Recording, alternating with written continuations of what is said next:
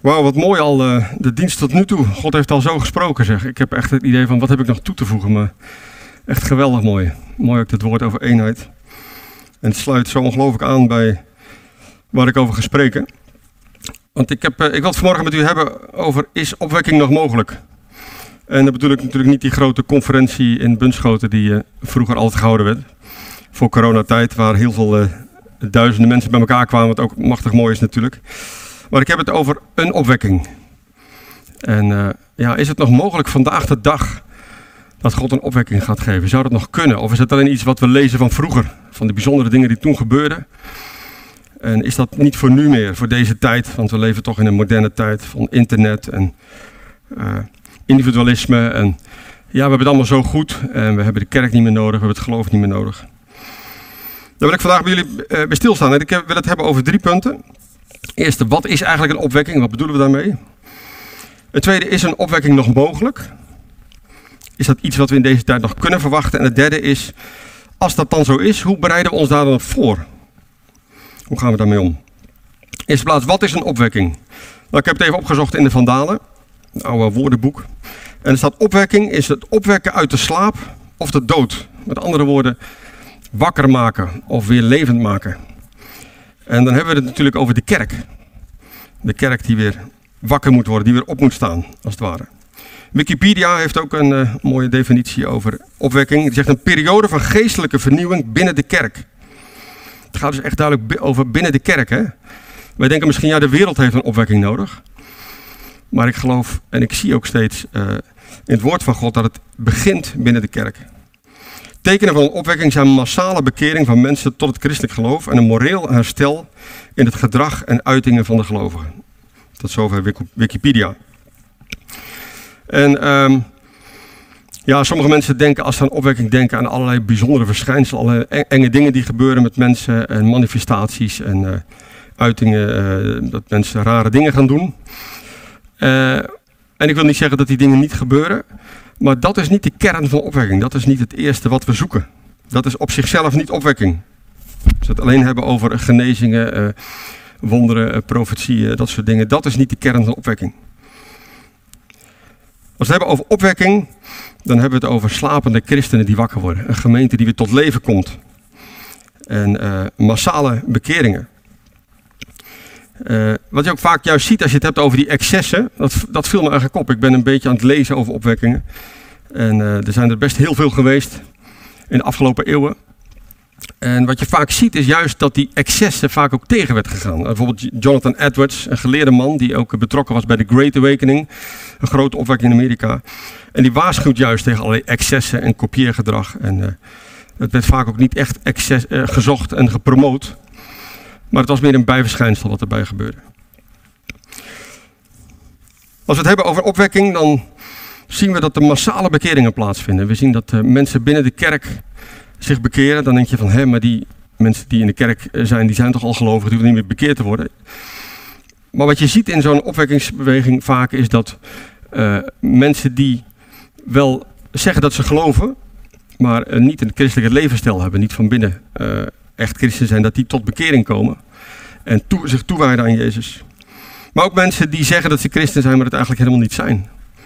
Nominale christenen, dat die tot geloof komen. Een opwekking heeft vaak een impact.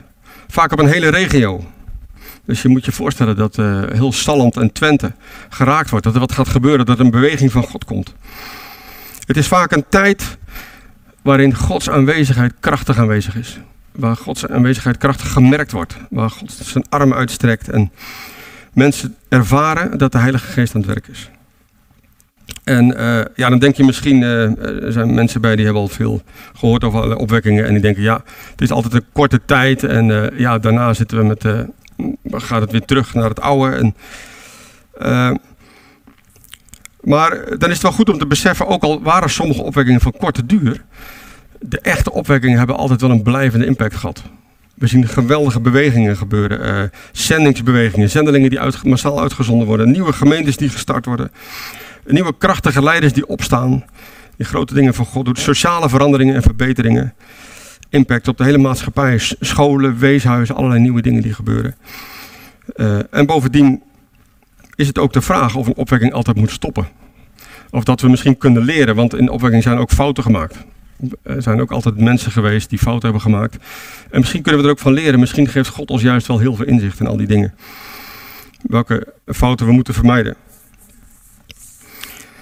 Uh, diezelfde Jonathan Edwards, waar ik het net over had, die noemde vijf aspecten die typerend zijn van opwekking. Hij zegt, de werking van Gods geest is universeel. Daar bedoelt hij mee, het is voor iedereen. Voor alle leeftijden, alle sociale klassen, alle huidskleuren, alle opleidingsniveaus. Het is voor iedereen. Het is nooit één elitegroepje waar God zijn geest uitstort, maar het is universeel. In de tweede plaats komen er grote aantallen mensen in korte tijd tot geloof. Dat is een kenmerk van een opwekking. In de derde plaats, Gods geest werkt in korte tijd bij velen een geestelijke doorbraak. Dus ook bij mensen die al lange tijd geloven, komen er nieuwe doorbraken.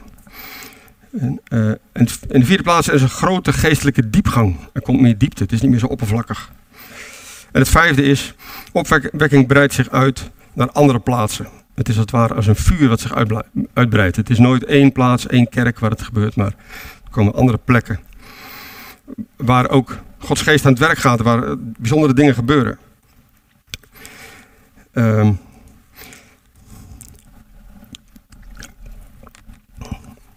een slokje water. Mensen thuis hebben allemaal koffie natuurlijk, maar dat heb ik niet. Dus ik moet gewoon even een slokje water nemen. Um, ja, als we kijken naar, naar opwekkingen, zien we ook vaak dat gebeuren. Dat er, uh, uh, dat, dat er een regio bereikt wordt. De, de bekendste en het uh, belangrijkste voorbeeld wat we hebben, denk ik, van opwekking, dat moeten we natuurlijk in de eerste plaats halen uit de Bijbel. Het is goed om te lezen over opwekkingen. Maar ik werd er zelf ook weer bij bepaald van, ja, maar wat zegt de Bijbel? Altijd teruggaan naar wat de Bijbel zegt. En ik denk het grootste voorbeeld van opwekking wat we hebben, is wat er staat in Handelingen 1 en 2. De eerste Pinksterdag. En uh, we zien dat mensen samenkomen om te bidden. Ik kom daar zo meteen op terug. Eenparig te bidden. Dat was eenheid. Daar kom ik ook zo meteen op terug. Ik hoop dat ik toe kom. En uh, we zien dat er op één dag veel mensen tot geloof komen. 3000 mensen vragen: wat moeten we doen om behouden te worden? En Peter zegt: laat je dopen en bekeer je tot Jezus. We zien dat er 3000 mensen tot geloof komen, uh, bekeerd worden op één dag. We zien dat mensen bij elkaar komen in de huizen, zich toewijden aan het onderwijs van de apostelen. Uh, we zien dat ze dagelijks bij elkaar komen. We zien dat ze niet meer alleen maar bezig zijn met hun eigen bezittingen te vergaren, maar dat ze gaan delen. De, de afgod van bezit wordt gebroken, ook heel duidelijk. Uh, nou, we zien een impact op de maatschappij. En we zien, mensen, we zien ook wonderen gebeuren. Mensen worden genezen. Gods geest werkt op bijzondere wijze. Maar dat is nooit uiteindelijk waar het om gaat. Het gaat altijd om dat de naam van Jezus verhoogd wordt. En dan vond ik het ook zo mooi dat we net dat lied zongen. alleen Jezus, hoe ging het ook weer? Ehm, Jezus alleen. Ik werd echt geraakt. Ik vond het zo bijzonder, want ik was aan het bidden van Heer laat het niet om mij gaan, maar alleen om Jezus. En ik wist niet welk lied er zou komen en het lied daarna was uh, Jezus alleen. Ik vond het, en dat is waar het om gaat, weet je, dat Jezus naam groot gemaakt wordt. En um, er zijn veel voorbeelden van opwekking, ook in het Oude Testament. Uh, als we de, de koningen bestuderen, uh, dan zien we veel van die koningen van Israël en van Juda waren ongelovig, waren bezig met afgoden te dienen, waren ver van God af. Maar er waren vijf koningen die wel toegewijd waren aan God. Uh, waarvan staat hun hart ging naar God uit. En een van die koningen was Jozefat. En we zien in, onder de regering van Jozefat ook een geweldige opwekking ontstaan. En ik heb geen tijd om de diepte in te gaan, maar je ziet een aantal dingen gebeuren. En een van die dingen is ook dat er een sociale impact is. Dat is nooit het hoofddoel. Het hoofddoel is altijd mensen terugkeren naar God. Maar automatisch heeft het ook een uitwerking in de maatschappij. Automatisch gebeuren daar dingen. Hij, stelt, uh, hij, hervormt de hele rechtspraak. Hij stelt rechters aan. En hij instrueert rechters van wees onpartijdig. Neem geen steekpenningen aan. Spreek recht, want je moet verantwoording afleggen voor God. En dat gebeurt. Het hele rechtssysteem wordt opnieuw leven ingeblazen. En uh, er komt rechtvaardigheid. En dat zien we ook vaak gebeuren bij opwekkingen. Dat het een sociale impact heeft. Dat het omgezien wordt naar de weduwe en de wezen. Dat zien we ook in handelingen. Uh, dat, uh, ja, dat die genoeg te eten krijgen. Uh, impact heeft op, tegen apartheid, tegen ongelijkheid, tegen dat soort dingen. Dus ook een sociale impact. Een van de opwekkingen, er zijn heel veel verhalen die ik zou kunnen vertellen, maar een van de opwekkingen die ik als voorbeeld wil noemen is de opwekking in Wales. En sommigen van jullie hebben er misschien wel eens van gehoord in 1904. En er was een jonge man, Evan Roberts, die ging bidden. En het was een geweldige uitstorting van de geest van God. Een geweldige aanwezigheid van God die kwam in Wils. En dat had een enorme impact. Er kwamen uh, bijna 100.000 mensen tot geloof in een hele korte tijd. En soms wel meer dan 5000 mensen per week die hun hart aan Jezus gaven. En er gebeurde meer, want er werden relaties hersteld. Mensen gingen zich met elkaar verzoenen. Als je het hebt over eenheid, door de bovennatuurlijke werking van God, door de aanwezigheid van en de kracht van God, voelden mensen dat ze weer zich moesten gaan verzoenen met elkaar. Mensen gingen schulden terugbetalen. Uh, de kerken zaten elke avond afgeladen vol. Uh, en bars en cafés moesten sluiten. En dat niet vanwege een lockdown, vanwege corona, maar gewoon omdat er geen klanditie meer was. Mensen hadden geen behoefte meer om naar de bar te gaan, maar ze wilden naar de kerk. Uh, het, de Bijbels gingen als zoete broodjes uh, over, de, over de balie. Er werden verkocht aan de lopende band. Er, was, er kwam weer een honger naar het woord van God. Het was zelfs zo dat de rechters en politie op bepaalde dagen gewoon niks te doen hadden. De criminaliteit ging naar beneden. Het aantal boetes voor dronkenschap werd met 60% verminderd. En uh, de politie had op een gegeven moment zoiets van ja, die wisten gewoon niet wat ze moesten doen. Er was gewoon geen werk. Dus op een gegeven moment gingen ze maar koortjes uh, oprichten, gingen ze oefenen om uh, te gaan zingen. Zodat ze s'avonds in de kerk mee konden gaan zingen in in de aanbiddingsband. En dat soort dingen gebeurden. de rechtszaak, bepaalde dagen was er gewoon geen rechtspraak, omdat er gewoon geen criminaliteit was. Er is een verhaal bekend van een rechter dat op een gegeven moment een een, een, veroordeelde voor de rechter komt. En die man wordt zo overtuigd van zonde dat hij uh, helemaal in tranen uitbarst en het uitroept. Uh, omdat hij zo overtuigd is van zonde. En die rechter, die doet zijn pruik af en die doet zijn jas uit en die gaat naar beneden. En die gaat voor die man bidden en die leidt hem tot Jezus. En uh, de, de jury, juryleden die beginnen een loflied te zingen. Dat, dat soort dingen. hele bijzondere dingen die gebeuren in de opwekking. Um, nou, ik kan er veel meer over vertellen. Maar dat doen we niet. Is een opwekking vandaag, nog, vandaag de dag nog mogelijk? Is het iets wat, wat God nog wil doen? Is het iets wat, nog, wat we nog kunnen verwachten? Of is dat meer iets van het verleden en gaan we de eindtijd tegemoet en het, is allemaal, wordt allemaal steeds slechter en steeds moeilijker? Want kijk maar naar openbaringen, kijk om je heen wat er allemaal gebeurt. En uh, ja, wat kunnen we verwachten? Ik geloof wel dat we dat nog kunnen verwachten en dat we het moeten verwachten ook. En dat geloof ik in de eerste plaats omdat ik geloof dat het het karakter van God is. In de tweede plaats omdat ik denk dat de Bijbel dat zegt over de eindtijd. Daar ga ik zo op in. In de derde plaats omdat het gewoon heel erg hard nodig is.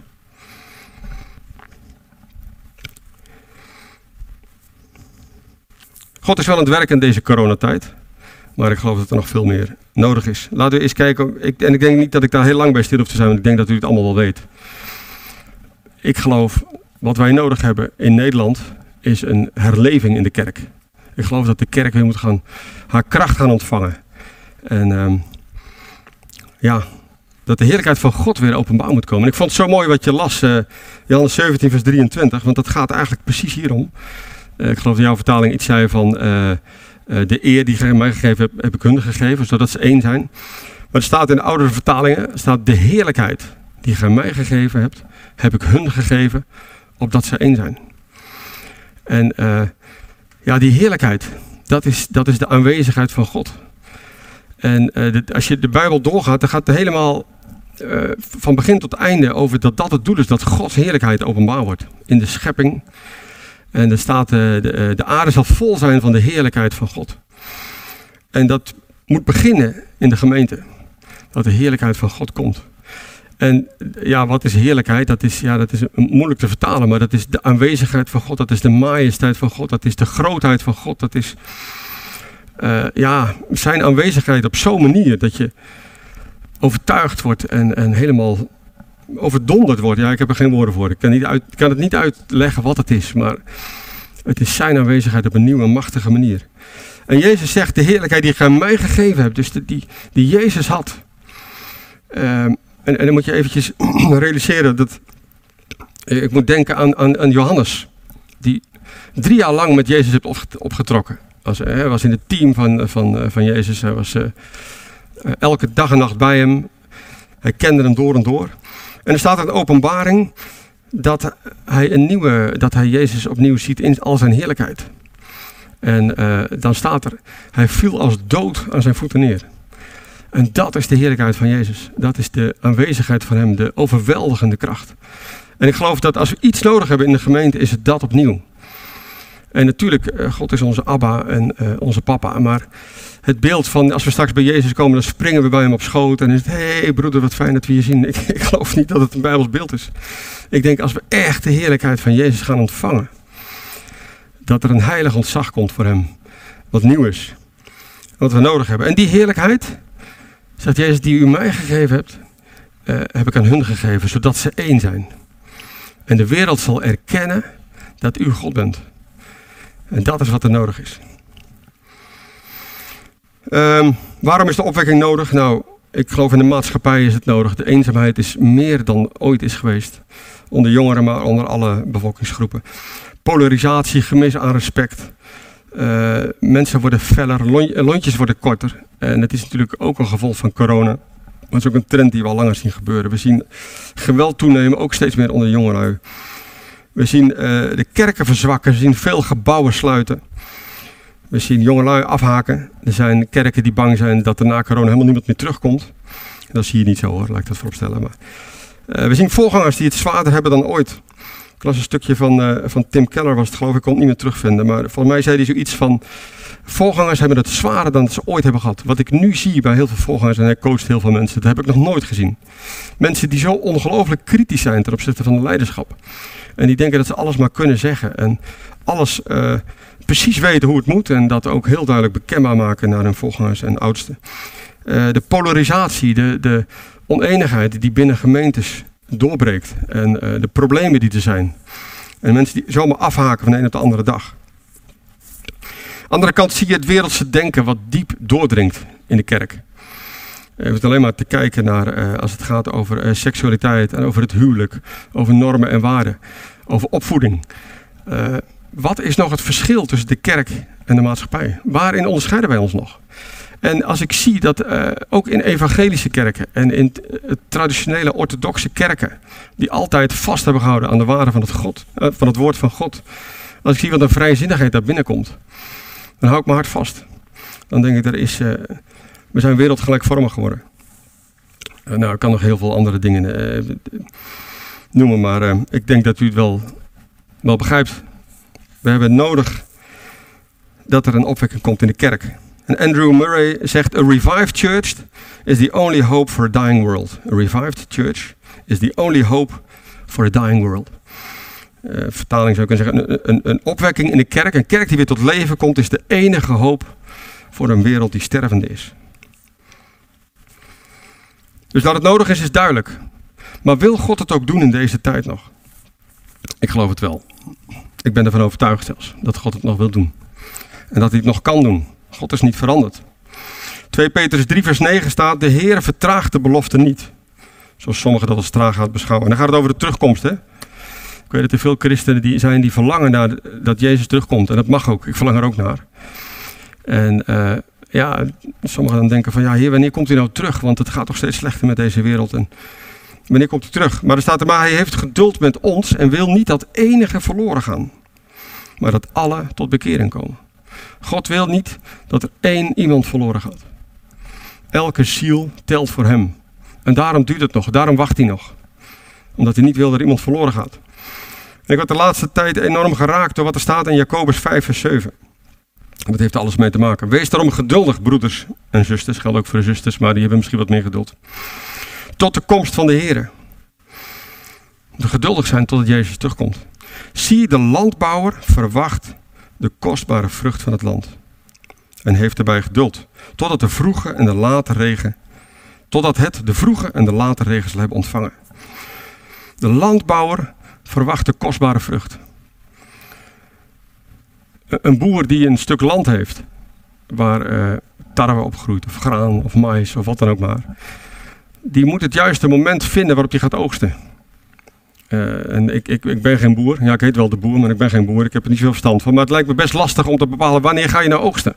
Wanneer ga ik nou die oogst binnenhalen? Want op een gegeven moment is er een bepaalde oogst. En denk je, ja, het is goed. En er kan ook nog van alles misgaan. Dus misschien moet ik het nu maar binnenhalen. Maar ik kan misschien ook nog even wachten, want het kan misschien meer worden. En uh, dit, deze gelijkenis gaat over een boer die wacht op de late regen.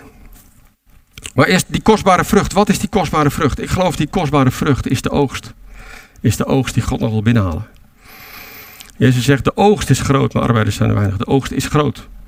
We, we hoeven geen kleine oogst te verwachten, maar we mogen een grote oogst verwachten. En ik geloof dat die oogst, die kostbare vrucht, God ziet die kostbare vrucht. God ziet al die mensen die nog tot geloof gaan komen. In de komende jaren, komende decennia misschien, ik weet niet hoe lang. Maar God ziet ze. En hij wil nog niet de oogst binnenhalen totdat die laatste korenaar, totdat die laatste maiskolf, totdat die laatste ziel gered is en binnengehaald wordt. God ziet de kostbare vrucht van het land. En daarom heeft hij geduld. En hij wacht tot de vroege en de late regen op het land zal zijn gevallen. Dan moet je weten, ehm, in, in Israël was het altijd zo dat eh, in de herfst zaaide men eh, de wintertarwe. En dan was het zo in oktober, november viel de vroege regen. En dan voor de, vlak voor de volle oogst was er nog een late regen. Dat was in april, mei. En uh, ja, de boer wacht altijd op die late regen. Om dan, dat dan in één keer ja, die oogst nog flink kon gaan groeien. En ik moest denken aan die keer dat uh, Marjan en ik in Marokko waren en dat we naar de woestijn gingen, naar de Sahara. En ehm, nou, ik dacht zelf altijd dat woestijngrond heel onvruchtbare grond is. Nou, de woestijn is natuurlijk ook heel onvruchtbaar, omdat het gewoon simpelweg omdat het heel droog is. Er valt uh, nog geen 100 mm gemiddeld per jaar aan regen. Dus het is super droog. Maar de grond blijkt heel erg vruchtbaar te zijn. En ik weet dat wij die woestijn daar binnen reden en op een gegeven moment zagen we stukken zand en die waren bewerkt. Het was een soort van beploegd en mooi recht gemaakt. En het leek net of er wat ingezaaid was of zo. Dus ik vroeg aan, aan onze gids van, joh, waarom is dat in de woestijn? Je gaat toch niet zaaien in de woestijn? Wat, is, is dat land bewerkt of wat is dat precies? Wat, of gaan ze wat anders doen? En vertelde die gids, hij zegt, ja, elk jaar zaaien ze. En waarom is dat? Het regent eigenlijk bijna nooit in de woestijn. Maar als het regent, één keer in zoveel jaar, dan regent het flink. En die grond is zo ongelooflijk vruchtbaar dat het uh, gewas eruit schiet. Gewoon binnen mum vandaag heb je gewoon een enorme oogst. En toen dacht ik van ja, dat is een beeld van opwekking.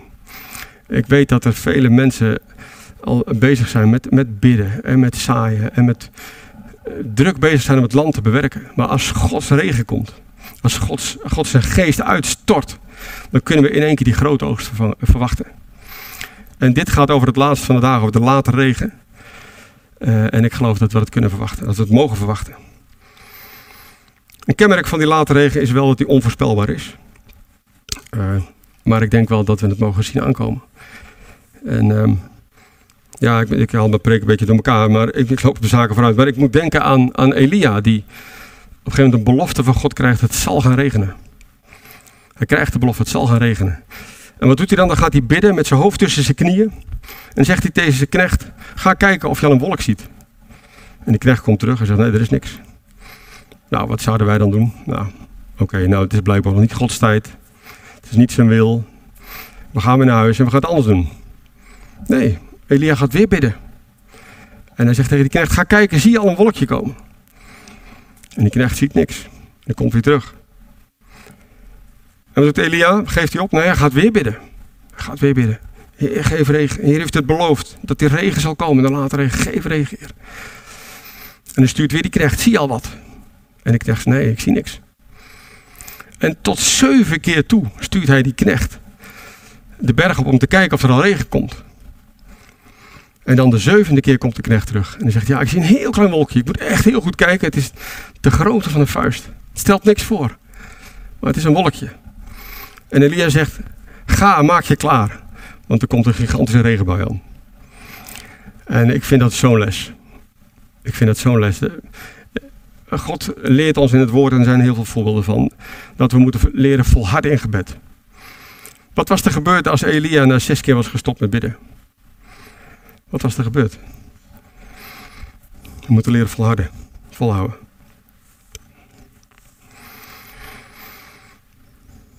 Andere bekende tekst is eh, wat er staat in Handelingen 2. Waar Petrus de profeet Joel aanhaalt. Bekende stuk. En ik zal het wat sneller lezen vanwege de tijd. Maar, daar staat, uh, maar dit is wat gesproken is door de profeet Joel, zegt Petrus. Eh, als de mensen vragen wat gebeurt er, waarom gebeuren die bijzondere dingen, die uitstorting van de Heilige Geest, de mensen praten allerlei vreemde talen. En wat gebeurt hier? En dan zegt hij, dat is precies wat Joel heeft gezegd. Het zal zijn in de laatste dagen, zegt God, dat ik zal uitstorten van mijn geest op alle vlees. Dus niet alleen maar op de oudste en op de voorgangers, of niet alleen maar op de mensen die theologie gestudeerd hebben, maar op alle vlees. Niet alleen op oudere mensen, boven de 50, maar ook op jongeren. Uw zonen en uw dochters zullen profiteren. Uw jonge mannen zullen visioenen zien en uw ouderen zullen dromen dromen. En het viel mij op in de voorbereiding dat uh, vaak ook God door jonge mensen werkt. En ik weet niet wat God gaat doen, ik weet niet hoe het gaat, maar we moeten niet verbaasd staan als God jonge lui gaat pakken. Uh, als we kijken naar de, die, die opwekking in Wales, die, uh, die Robin Evans, dat was een jongen van 26 die al meer dan 10 jaar aan het bidden was. In zijn tiende leeftijd is hij tot geloof gekomen en heeft hij gezegd: Heer, ik wil me geven een gebed voor opwekking. Tien jaar lang of elf jaar lang heeft hij gebeden voor opwekking. Het kan gebeuren. God kan jongelui gaan grijpen, ook in deze tijd. Ik ben er echt van overtuigd. ik zie al hele kleine dingetjes gebeuren, maar ik geloof echt dat God het kan gaan doen.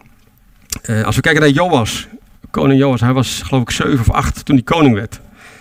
En op, in zijn tiende leeftijd gaat hij al hervormingen doorvoeren. Hij gaat uh, de afgodenbeelden laten verwijderen. Hij, op een gegeven moment wordt de, de, wet van God wordt weer ontdekt. En uh, nou ja, er komt een geweldige opwekking in dat land.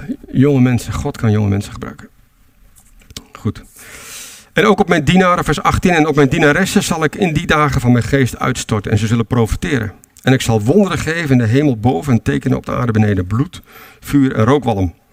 De zon zal veranderd worden in duisternis en de maan in bloed, voordat de grote en ontzagwekkende dag van de Heer komt. En het zal zo zijn dat ieder die de naam van de Heer zal aanroepen, gered zal worden, zalig zal worden. En nou, het is heel duidelijk dat deze profetie gedeeltelijk vervuld is op de eerste Pinksterdag. Maar ik zie de dingen in staan die nog niet vervuld zijn. Ik zie de dingen in staan die duidelijk gaan over de eindtijd. Dingen die we ook in de openbaring terug zien komen. En ik geloof, zoals het voor veel profetieën geldt het woord van God, dat ze in meerdere fases en meerdere keren vervuld kunnen gaan worden. En ik geloof dat God deze profetie helemaal gaat vervullen voordat, hij terug, voordat Jezus terugkomt. Daar ben ik van overtuigd. Goed, we gaan naar het derde punt. Hoe bereiden we ons dan voor op een opwekking? Kunnen we daar ons überhaupt op eh, voorbereiden? Of moeten we gewoon afwachten en zien wat God in zijn soevereiniteit doet? Ik geloof dat we ons kunnen voorbereiden en dat we ons moeten voorbereiden.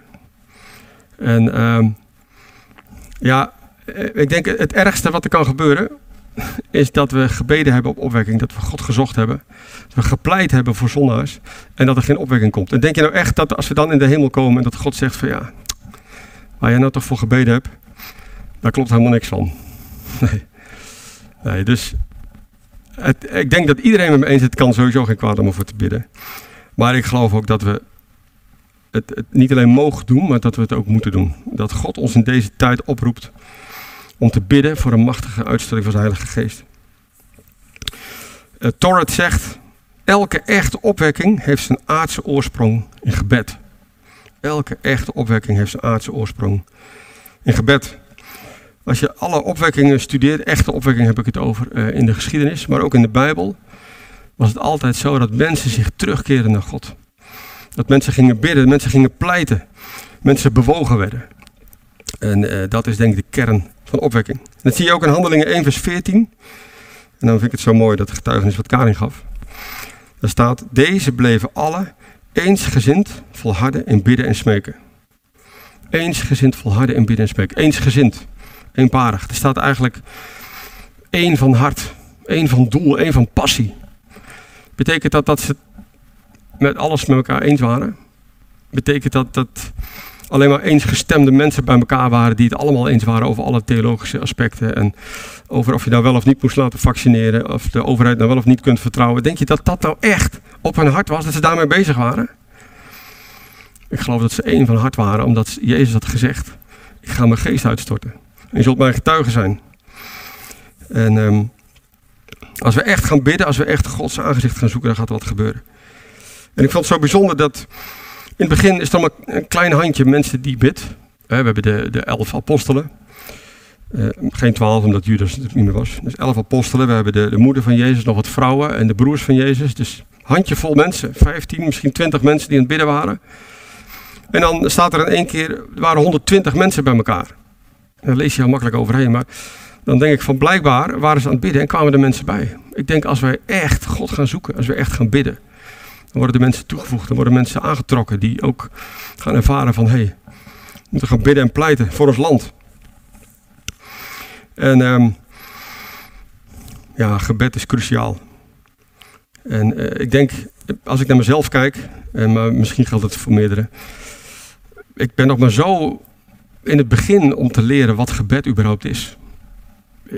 Ik, wij, weten helemaal niet wat dat gebed is. En uh, we kijken vaak naar de dingen die gebeuren in Afrika en andere landen. En dan denken we, wauw, wat daar allemaal gebeurt, weet je wel. Maar we vergeten vaak dat daar echt gebeden wordt.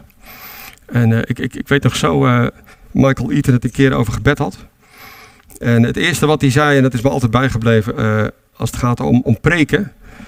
hij zegt, als je weinig tijd hebt om voor te bereiden, en je moet kiezen van, ga ik studeren in de Bijbel of ga ik bidden? Kies altijd voor gebed. En voer, dat gaat zo in tegen mij, hè. Want ik, ik ben echt van studeren. Ik hou van studeren, maar ik, ik ben ook, ja, we moeten goed voorbereiden. We moeten weten het over hebben. En we moeten, ja, weet je wel. Uh, het liefst mooie powerpoints en mooie punten, maar nee. Als je moet kiezen, kies altijd voor gebed, zei Michael Eaton. En het andere wat, wat, hij, wat hij vertelde op een gegeven moment. Uh, uh, hij was voorganger, een van de voorgangers in een grote kerk in Nairobi. En er was een professor die was daar op bezoek. Die was onderzoek aan het doen voor, voor zijn studie.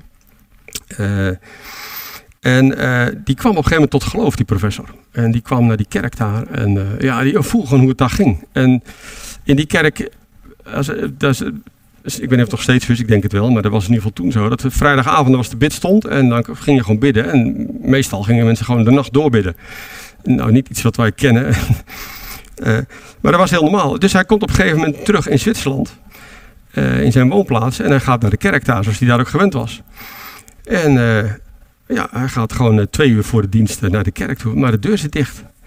En een uur van tevoren is de deur nog dicht. En uiteindelijk een kwartier voordat de dienst begint, wordt de deur open gedaan en kan die, kwam die binnen. En hij zegt, hoe kan dat nou? en die mensen vragen, ja, waarom was je hier zo vroeg? Hij zegt, nou, ik begrijp het niet, wordt hier niet gebeden of zo? Weet je, dat is, ik denk dat wij dat als Westelingen gewoon helemaal vergeten zijn. En de kracht van gebed. En dit, ik wil het niet zeggen om u af te schrikken hoor, dat je de hele nacht moet gaan bidden. Maar ik geloof dat als we echt gaan ervaren hoe mooi gebed is, als we echt gaan ervaren hoe goed het is om Gods aangezicht te zoeken. En uh, we hebben mooie liederen gezongen over dat God zo oneindig goed en mooi is en zijn liefelijkheid. En weet je, als je op een gegeven moment echt Hem zoekt en gaat ervaren hoe goed Hij is, dan kun je gewoon op een gegeven moment niet meer stoppen met bidden. Op dat punt kunnen we komen. En, uh, Gods aangezicht zoeken. 2 Kronieken 7 vers 13 zegt, wanneer ik de hemel sluit zodat er geen regen valt, apart hè, gaat over die regen. Wanneer ik spring aan een gebied om het land te verslinden, of wanneer ik een pest om mijn volk zend, een pandemie. En mijn volk, waarover mijn naam is uitgeroepen, in ootmoed buigt en bidt, en zij mijn aangezicht zoeken, en ze zich bekeren van hun slechte wegen, dan zal ik vanuit de hemel horen, hun zonde vergeven en hun land genezen.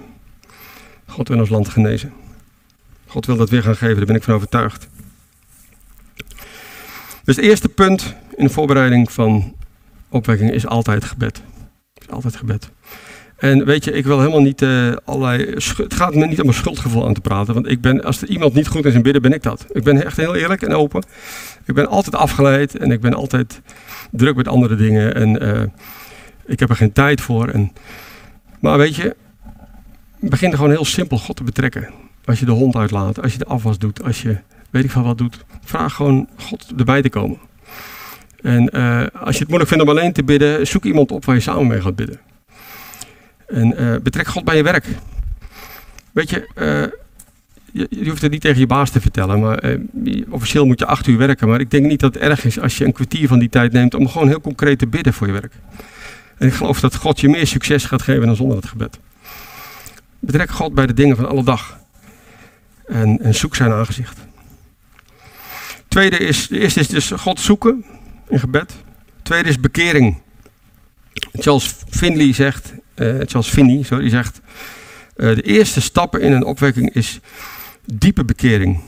Uh, en ik vertaal het even in het Engels. Uh, ik zal het eens even in het Engels lezen. The first step is deep repentance, a breaking down of the heart, a getting down into the dust before God, with deep humility and a forsaking of sin.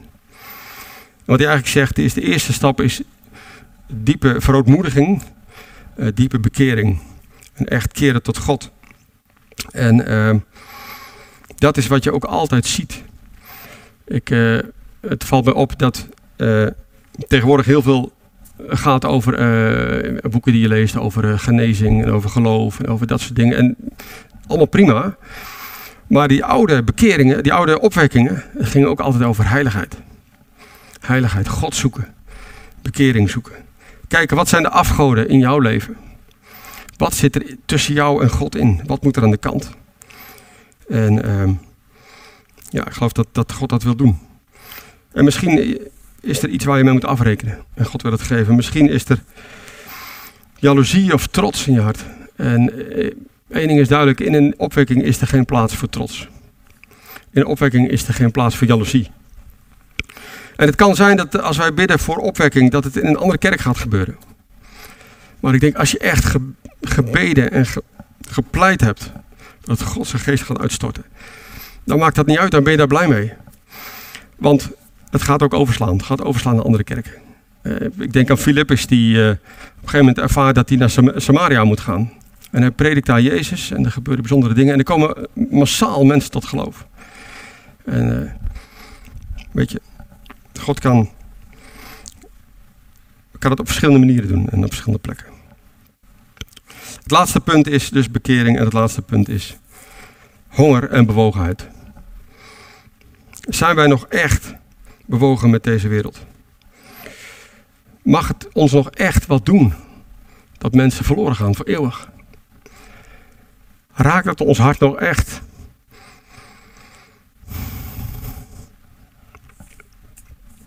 Raakt het ons hart nog echt dat mensen voor eeuwig los van God leven? Dat mensen naar de hel gaan? Dat mensen veroordeeld worden? Mag het ons nog wat doen? En um, ja.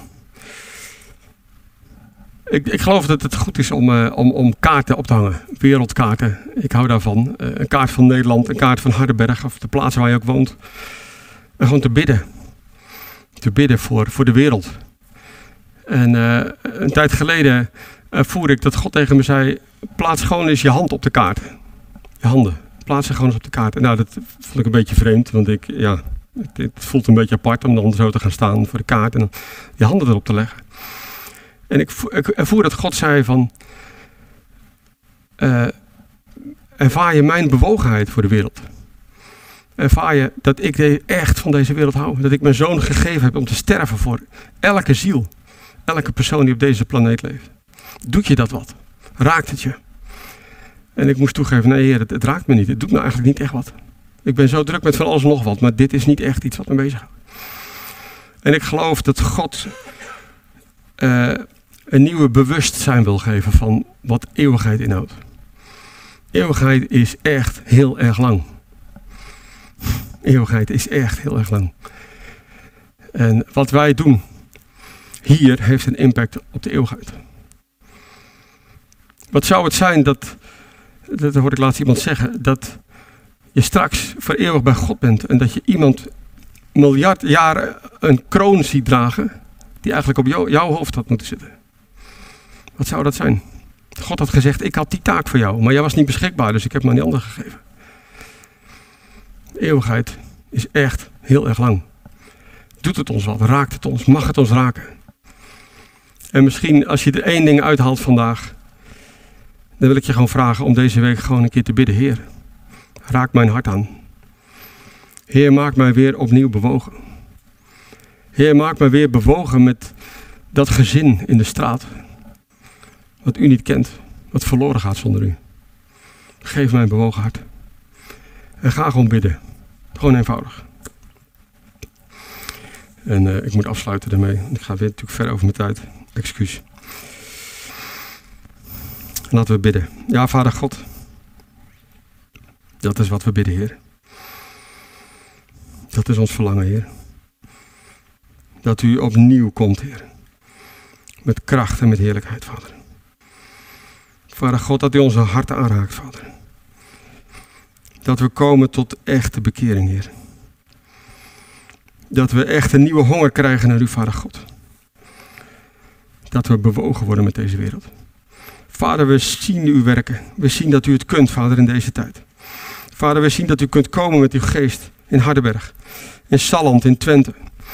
Vader, dat de mensen tot geloof gaan komen, massaal. Vader, dat mensen tot overtuiging komen, dat ze het leven zonder u geen zin heeft. Dat ze tot overtuiging komen van zonde. Vader God, we gaan veranderingen zien. We verlangen ernaar. We zien dat u gaat werken, Heer. Vader, dat, dat de drugshandel gaat stoppen hier in Hardenberg en omgeving, Vader God.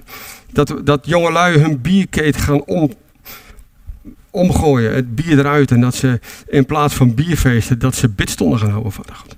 Dat ze teruggaan naar uw woord, Heer. Dat er een honger komt opnieuw naar uw, naar uw woord, naar uw waarheid, Vader God. Naar de eeuwigheid, naar uw koninkrijk, Vader God. Mensen eerst de plaats uw koninkrijk weer gaan zoeken. Vader, dat er een nieuwe beweging gaat komen. Heer, en we weten dat er dingen gebeuren. Vader, we hebben mooie dingen gezien de afgelopen tijd. Daar heb ik hem niet over kunnen vertellen. Maar Heer, we hebben gezien dat, dat, dat ex-prostituees en ex-verslaafden gaan komen op alfa-cursus. Heer, we maken het zelf mee, vader. Dat, dat ze zich willen laten dopen. Dat ze een honger krijgen naar uw woord, Heer. Dat ze een verlangen krijgen om uw woord in een jaar uit te lezen. En, dat ze aan het einde van de week, dat het rooster niet verder kan. Omdat moet wachten op de volgende week. En dat ze daarvan balen, omdat ze meer willen. Dat ze honger hebben naar u, Heer. Heer, dat de jonge lui komen en ervaren dat u werkt. En dat ze zeggen, ik, ik, ik, ik, ik weet niet wat het allemaal inhoudt, maar ik begin te bidden. Ik begin te praten en ik heb het gevoel dat er iemand luistert. En ik wil mijn hart openen. Heer, die dingen gebeuren, Vader, en we verlangen naar meer daarvan. Vader, we verlangen dat er meer gaat gebeuren. Kom met uw geest, Heer. Werk in ons midden, werk in onze hart, Heer. Dat bidden we in de machtige naam van Jezus. Amen.